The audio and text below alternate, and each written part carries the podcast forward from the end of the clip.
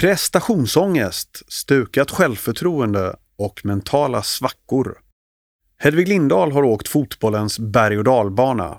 Nu är hon 38 år, tvåbarnsmamma och har skaffat sig så bra verktyg för att hantera dippar i det egna månet att hon till och med har blivit lite av en mental rådgivare åt lagkamraterna i Atletico Madrid. I det här avsnittet pratar vi med damlandslagets målvakt om hur man hanterar ett självförtroende som sviktar. Välkommen till podden Svensk Fotboll. Jag heter Juan Martinez.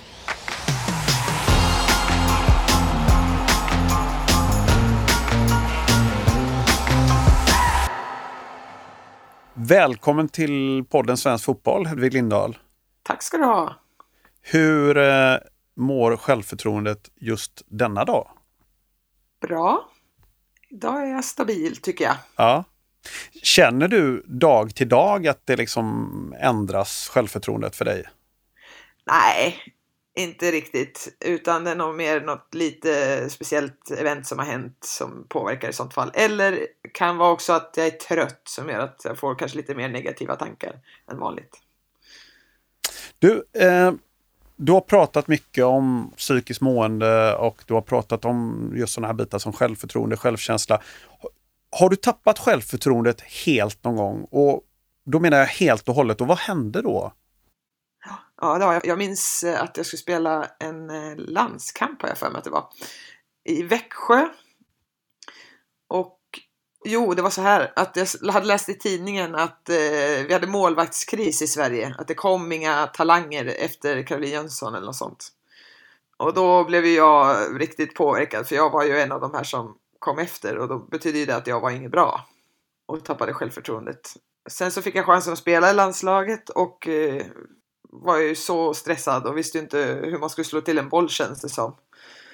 Man brukar prata om att man inte vill vara i passningsskugga, att man ska vara spelbar och så, men oj, oj, jag vill ju inte ha en enda passning. För jag tänkte, jag vet inte hur man slår till en boll. Eh, vi vann matchen tror jag. Jag höll nollan, men det var det värsta jag varit med om. Den här. Jag ville bara att det skulle ta slut. Och jag var tvungen att komma ur den här tankeloopen som jag var i, att jag var så dålig, för det stod i tidningen. Genom att eh, börja tänka så här, nej men Hedvig, du har spelat fotboll sedan du var fyra. Du kan inte ha glömt bort hur man slår till en boll. det är ju inte logiskt, så var jag tvungen att börja tänka på något annat som jag kunde sådär automatiserat och då började jag tänka att jag skulle ut och köra bil för att det tänkte jag inte riktigt på hur jag gjorde utan det kunde jag bara. Och då började det släppa tankarna. Hur, hur, kunde du fixa det? Gjorde du det på egen hand eller fick du hjälp med det? Hade du någon sån här liksom formel som du säger, jag tänkte på att köra bil, men hur, hur kom man på det? Jag kommer faktiskt inte ihåg om det här är något jag själv kom på eller om jag fick hjälp. Jag vet att det var någon som jag hade hjälp av i, under tiden jag spelade i Linköping, för det var de åren. Eh, så det kan mycket väl vara att jag fick tipset av honom. Men jag vill tro att jag kom på det själv. Men uh, om han lyssnar så ska jag bäst säga att det kan vara så att jag fick det från honom. Hur gammal var du när det här hände? Jag kan ha varit kanske mellan 21 och 23 någonting där. Jag kommer inte ihåg exakt vilket år det var. Men... I 20-årsåldern är jag tydlig. Ja, 20-årsåldern, precis. Ja. Du Hedvig, nu var ju det här en ganska stor dipp du hade det, men om du får mindre dalar, hur hanterar du dem när självförtroendet dippar lite grann? Hur gör du då? Ja, nu, eh, nu finns det ju tillgång till väldigt bra teori och metoder som eh, jag tycker att hade jag varit ung idag med de här metoderna då borde det vara lätt som en plätt. det här är ju inte såklart men, men just nu använder jag mig av eh, de här metoderna som ny aktion, fokusera på ny aktion oavsett hur du känner. Att acceptera vilka känslor den har, om de är bra, om de är dåliga, om de är någonstans mittemellan så är det ändå den aktion vi ska göra som vi fokuserar på. Oavsett hur bra den går eller inte. Det är ändå en ny aktion efter det. Så det är ju ett tips som jag använder mig av.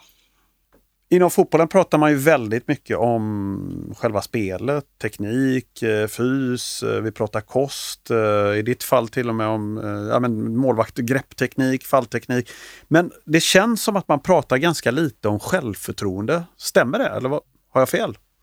Eh, jag tycker vi i Sverige är väl ganska bra ändå på att ha med det som en del i det hela. Eh, I alla fall i de lag jag har varit i så har det oftast funnits någon typ av mental coach har oftast funnits med. Och det har inte varit eh, något man ska tycka är konstigt, pinsamt, whatever. Eh, och självförtroende hamnar väl ändå inom den, den delen, alltså den mentala aspekten på fotboll. Och, så jag tycker Sverige är duktiga på att ta det på allvar i alla fall. Sen kanske man kan prata mer om det, just självförtroende, att man plockar ut det som en bit i det hela. Det vet jag inte riktigt, det, kan, det låter jag vara osagt. Men eh, i världen däremot, så jag spelar ju i andra länder, där har vi en del att göra. Det är långt ifrån alla som tar det mentala spelet och dess påverkan på riktigt fullt allvar. Hur ser det ut i, i Spanien, England, där du har varit? Men Spanien som jag är nu, då känns det oftast som att det blir liksom ni behöver bara vara starka tjejer. liksom. Ja, det är väl i all välmening, men det kanske ibland krävs någonting mer. Ibland behöver man få någon hjälp och någon metod för att ta sig vidare. Så det känns som att de är bara och skrapar på vad man faktiskt ska göra på det området. Men, men vi har till exempel inte en eh, resurs eh, som är med oss vardagligen i vårt eh, vårt lag. Eh, det finns någon i, i klubben som man skulle kunna gå till om man vill, men det känns ju väldigt så här långsökt och man väntar tills det blir något riktigt allvarligt snarare än de här vardagliga, liksom, man bollar saker som vi kan göra här i landslaget till exempel. Så inte riktigt proaktivt då, utan mer om man reagerar när krisen väl sätter i då? Ja, jag tror, jag tror att man ser det mer så att okej, okay, du har ett problem, då kanske vi måste hjälpa till på något sätt. Men eh, jag tycker att man borde ta in det som en lika viktig del som teknik, fysik eh, och taktik. Så borde man ju tänka på det mentala spelet. Vad är starkast hos dig? Din självkänsla eller ditt självförtroende? Oh, svår fråga. Eh, det där böljar säkert lite men nu med några år på nacken så känner jag mig rätt så trygg i den jag är och vad jag står för och mitt värde som människa. Så jag skulle vilja säga att min självkänsla är ganska stabil. Sen kan självförtroendet vackla lite ibland och som jag sa, man känner sig lite trött. Man hade någon dålig aktion eller man blev satt åt sidan, inte vald och då kommer ju tankarna väldigt lätt. Men även där tycker jag ändå det känns ganska stabilt utan jag vet, jag vet vad jag kan och vad jag kan leverera oftast. Jag tänkte Hedvig, vi tittar lite på tränarnas och föreningarnas ansvar eh, när vi pratar om det här. Hur har dina tränare hanterat ditt mående genom åren? Ja, eh, svårt att komma ihåg precis allting. Det har varit många år i olika klubbar och olika tränare och sådär.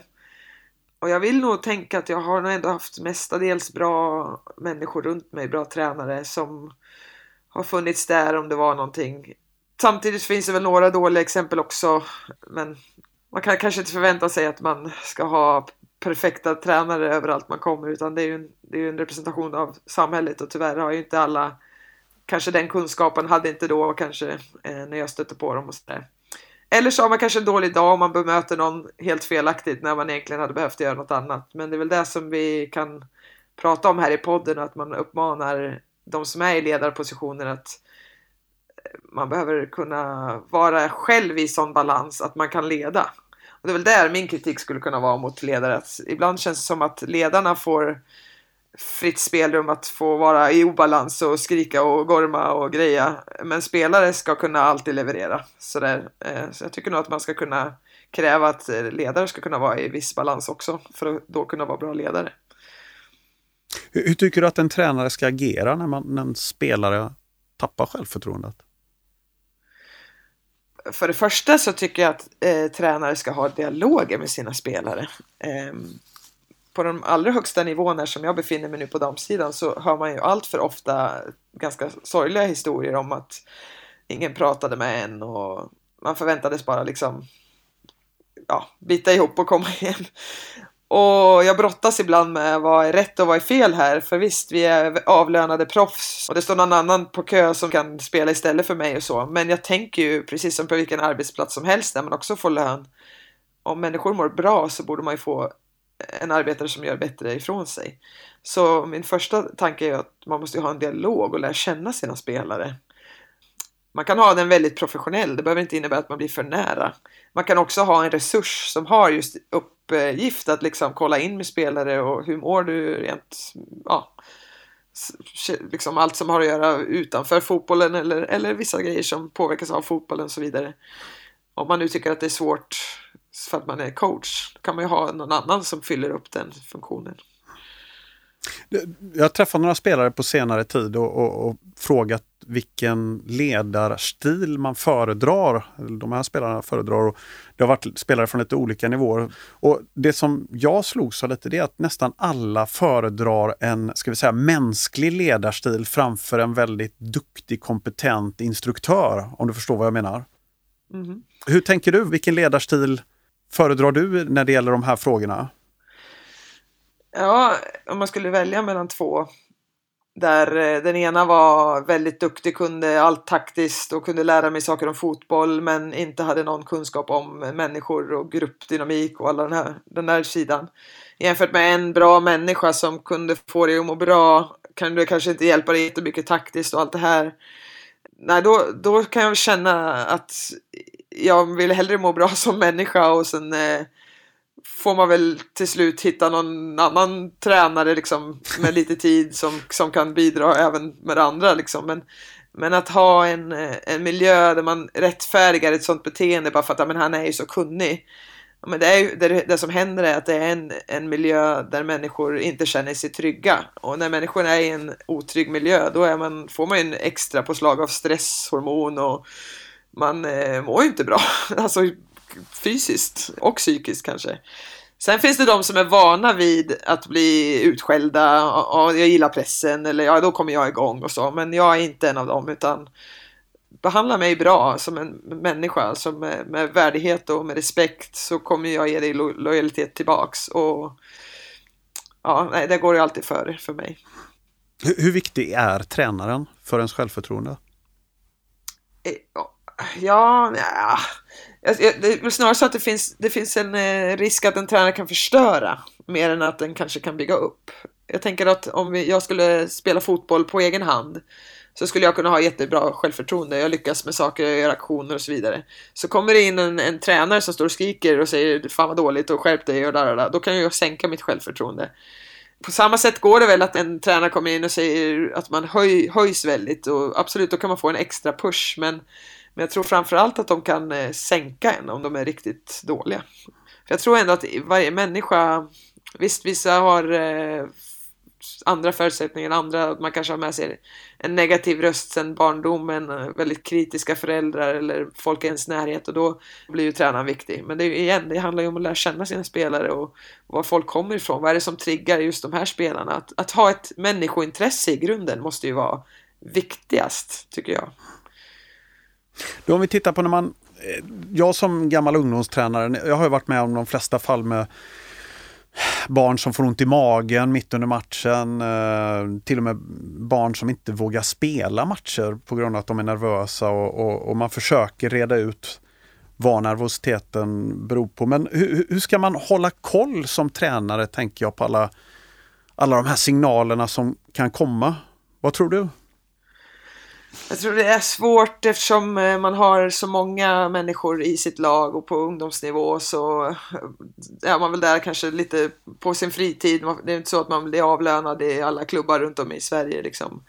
Eh, så det är inte lätt men igen ha ett människointresse och ett intresse i att lära känna sina spelare, sina adepter eller barn i många fall som man kanske kan se dem mer som människor som är på väg att formas ut till vuxna och förhoppningsvis med bra värderingar. Och man får helt enkelt spendera tid med dem. Och det är ju inte alltid det man har. Man ska planera träningar och man ska köra hit och dit och pumpa bollar. Och... Mm. Men förhoppningsvis är man inte själv i sin roll utan att det finns ett gäng vuxna som eh, kan hjälpas åt. Och... Men jag tror ändå är man genuint intresserad så kanske man plockar upp eh, sådana här signaler och förhoppningsvis är det inte alla i en grupp som kräver samma fokus samma, som, om det nu kommer upp några specialfall där någon mår väldigt dåligt så kanske man kan lägga lite mer tid och energi på just den spelaren. Men bör man ändå inte ta det ansvaret, tänker jag, som tränare om man går in i en roll som ledare i ett idrottslag? Alltså, tillhör det inte uppdraget man tar på sig också? Ja, det är det jag tänker, men ibland undrar jag om eh, tränare idag har gått i någon kurs där de säger prata inte med spelarna, för spelarna själv måste dela med hur de mår. Och er uppgift är bara att vara tränare, alltså sätta ut konerna och leverera en bra taktisk eh, förberedelse eh, och fysisk förberedelse. Men, men jag tycker att eh, i ledarskapet så måste det ingå att man behöver förstå hur människor mår och vad som kan påverka. Sen i alla fall är det inte tränaren som sitter på lösningen men att i alla fall förstå att det är ett problem och sen kanske hitta en lösning externt eller via familjen eller skolan eller vad det nu kan vara för resurser som kan krävas.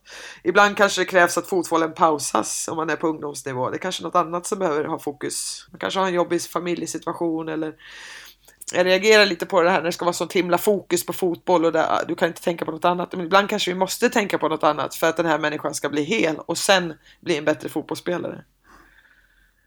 Hur, hur håller du koll på ditt psyke idag? Hur, hur hanterar du det och hur, hur tränar du det om du gör det? Eh, jag försöker att rätt så regelbundet meditera och det kan ju låta jätteflummigt men eh, i dagens samhälle känns det ganska naturligt. Det finns ju bra appar man kan använda sig av som gör det väldigt eh, begripligt. Eh, så jag har märkt att när jag gör det så brukar bra saker hända i mitt liv och jag känner mig lugn och framförallt får jag bra fokus. Jag kan faktiskt till och med uppleva att jag, upplevelsen av tid förändras till min fördel och det är ju bra när man är målvakt för tycker man att tiden går långsammare då hinner man reagera när någon ska slå, liksom avsluta på volley efter ett inlägg. Då kan jag redan ha hunnit uppleva hela den situationen och hinna se så. Så det har ju verkligen hjälpt mig även i min prestation. Men om jag gör det, om jag tar tid och det kan handla om att man bara sitter, att man pendlar till träningen, man sitter på bussen eller man blir körd av sina föräldrar i, i en bil eller någonting. Då kan man ju bara ta fem minuter och andas. Fokusera på sin andning och känna efter hur känns det man sitter, om man hör några ljud. Man försöker vara närvarande. Det försöker jag göra regelbundet. Eh, och sen ibland vara snällare mot mig själv. Jag vaknar och känner nej, jag vill inte idag vi tjejer har ju vissa dagar i månaden då man kanske har mensvärk och man bara vill ligga ner i sängen och inte träffa någon och sova bort den här dagen. Och så ska man ändå ut och jobba då och vara fotbollsspelare, det vill man ju inte då. Mm. Men då får man kanske sänka sina krav den dagen. Okej, okay, idag handlar det bara om att ha en hög lägstanivå kanske och var inte otrevlig mot någon. du behöver inte prata med någon men fräs i alla fall inte åt dem. Så att lära känna sig själv och inse idag är inte min bästa dag och, och ge sig själv den tiden. Man kan ju inte vara på topp jämt. Hur går den till konkret för dig den här meditationsstunden? Vad tänker du på? Vad går du in i för mod? Vad, vad gör du liksom rent konkret? Eh, ja, det, det, finns olika typer av meditationer med den appen jag använder. Eh, Headspace heter den som jag använder. Och då kan man, ibland kan det vara meditation om fokus, ibland kan det vara eh, om jag känner mig ledsen över något, då kanske någon meditation kring att känna var den här sorgen kommer ifrån. Eller ibland, ibland har det handlat om att bara pigna till lite, jag känner mig trött, lite trött och tung i huvudet. Men egentligen handlar det om det jag sa, att man bara är med sin andning lite grann, man kanske fokuserar på olika delar av kroppen, alltså fysiskt, att man, eh, om jag har en liten eh, känn, känning av något slag i ryggen, då kanske jag fokuserar där ett tag och så skannar man ner i sin kropp, hur, hur känns kroppen? Så det är, ganska, det är inga konstiga grejer egentligen, men det handlar om att vara närvarande i sina sinnen och att man låter tankar och känslor poppa upp och att man är med dem. Man behöver inte slå undan dem utan man låter dem komma till ytan och, och, och så här, ja, det var en tanke och så var det inte mycket mer med det. Även så om är man är väldigt otäck. nervös. Även om den är otäck. Framförallt då, är det någonting som har hänt i ditt liv och du går runt med ångest, det är ju då du ska göra det. Låt det komma upp. Låt det vara obekvämt i 20 minuter max och sen kanske den är borta. Istället för att du går och trycker bort den och har den i flera år av, av, din erfarenhet nu, det, allt du har lärt dig att hantera ditt mående, hur mycket har du kunnat dela med dig av till andra och får du frågor av andra spelare kring, i och med att du är rätt öppen kring det här? Jag får en del frågor. Jag har faktiskt hjälpt en del tjejer i Atletico nu till exempel med lite redskap kring eh, hur man kan förhålla sig till sin prestation när det går tufft och så vidare. Eh, det finns ju en, en grej som heter pilmodellen som vi använder oss mycket av där man kan eh, identifiera saker som man vill ska eh, känneteckna dig i ett långt perspektiv. Alltså dina grundläggande värderingar. Eh, och så kan man sätta dig i olika sammanhang ute på plan som människa och eller ja, alla, vad man nu än vill hitta på. Så lite sånt har jag hjälpt några med när de har kommit och frågat. Och sen brukar jag bara prata med människor. Jag är en sån som pratar med precis alla eh, och frågar hur det är. För att jag vet hur det är att vara en människa i ett lag där ingen frågar hur det är. Eh, och jag vill inte att någon ska känna så. så ofta så zoomar jag in lite på de som är unga, de som är nya. Så att i alla fall någon frågade dem den dagen, hur mår du? Vad gjorde du i helgen? Bara att någon liksom får möjlighet att prata lite om de vill. Eh, och då snappar man upp. Idag är det lite tufft och då kan jag hjälpa till. Så just den här meditationsappen har jag ju sagt till väldigt många. Jag vet inte hur många som sen gör det, men, eh, men vi har pratat om det många i alla fall. Ja, du har blivit lite mental rådgivare där då på, i, i Atletico eller? Väldigt grundläggande. Det finns väldigt mycket som jag inte kan, men eh, de grejerna som jag har lärt mig bra, de förmedlar jag gärna. Och det är väl det jag menar, att den här grundläggande nivån behöver ju folk kunna som är i ledande positioner. Om man sedan upptäcker att oj, det här är lite mer allvarligt, då finns det ju utbildade människor som man kan ha kontakt med sen. Kan du känna avundsjuka på spelare som har sådär orubbligt självförtroende? Inte avundsjuka skulle jag nog inte säga, eh, men jag kan ju fascineras av det. För jag kan inte riktigt förstå det. Eller jo, jag kan förstå det till viss del. För att när jag är i en väldigt trygg situation, då är jag precis på samma sätt. När jag är med mina bästa vänner från barndomen, då skämtar jag och jag har en speciell humor och jag är rolig och jag är liksom väldigt livlig och då kanske jag får energi jag vet inte, jag, får, jag blir nog trött även då. Men, eh, men jag tänker, för mig handlar det väldigt mycket om trygghet. När känner du dig som tryggast inom fotbollen? Var och när sker det? När jag eh, tydligt får signaler att jag kommer vara den de väljer att spela i målet. Att jag känner att det är mig de satsar på jag, jag egentligen mår inte bra av konkurrenssituation hela tiden. Jag mår bäst av att veta liksom, att, att jag ska få spela. Men så funkar det ju inte, det fattar jag också. Och jag måste liksom anpassa mig. Men när jag i alla fall får de signalerna, då känner jag mig väldigt trygg. Eh, om jag dessutom har en bra relation till någon, en bra vän som är med i laget, som har, liksom kollar, checkar in hur man mår lite sådär. Det hjälper ju också jättemycket. Eller när man känner att man har bra relationer till de man tränar med, typ sin tränare då, målvaktstränare såklart. Så du skulle med andra ord kunnat prestera bättre utan en konkurrenssituation menar du? Eh, alltså det, å andra sidan, då kanske man slappnar av och inte får samma utväxling av träningen för man kanske inte tar i på samma sätt hela tiden. Men ja, ibland tror jag det, absolut. Du, Hedvig Lindahl, om du skulle skicka en passning till alla spelare och då kanske framförallt yngre spelare som tvivlar ibland och har dåligt självförtroende. Vad skulle det vara? Eh, jag fick faktiskt frågan att skicka exakt en sån videohälsning till någon igår och då sa jag det här som jag pratade om förut, eh, om att fokusera på nästa aktion. Att eh, oavsett hur mycket du tvivlar, hur det känns när du går in i din situation här där du ska spela fotboll, Metoden är att fokusera på den nästa aktionen du ska göra. Samtidigt vara närvarande i varje aktion såklart. Men oavsett hur den gick så kommer det en ny aktion. Att man ockuperar sin hjärna med att fokusera på det du ska göra. Det är väl ett konkret råd som jag skulle säga. Sen sa jag också att eh, det kan vara bra att stå och titta på sig själv i spegeln, titta i ögonen och säga snälla saker om sig själv. Saker som du faktiskt tycker om med dig själv och, och vara snäll. För att man är oftast den största kritiken. Och även om eh, man har kastat in tio bollar i en match som målvakt så har man säkert gjort en bra grej och försöka börja där någonstans. Och bygga upp därifrån. Hedvig Lindahl, stort tack för att du gästade podden Svensk Fotboll. Uh, tack så mycket för att jag fick vara här och hålla låda. det är bra. Sköt om dig. Ja, detsamma. Ja, du har lyssnat på podden Svensk Fotboll med landslagets målvakt Hedvig Lindahl.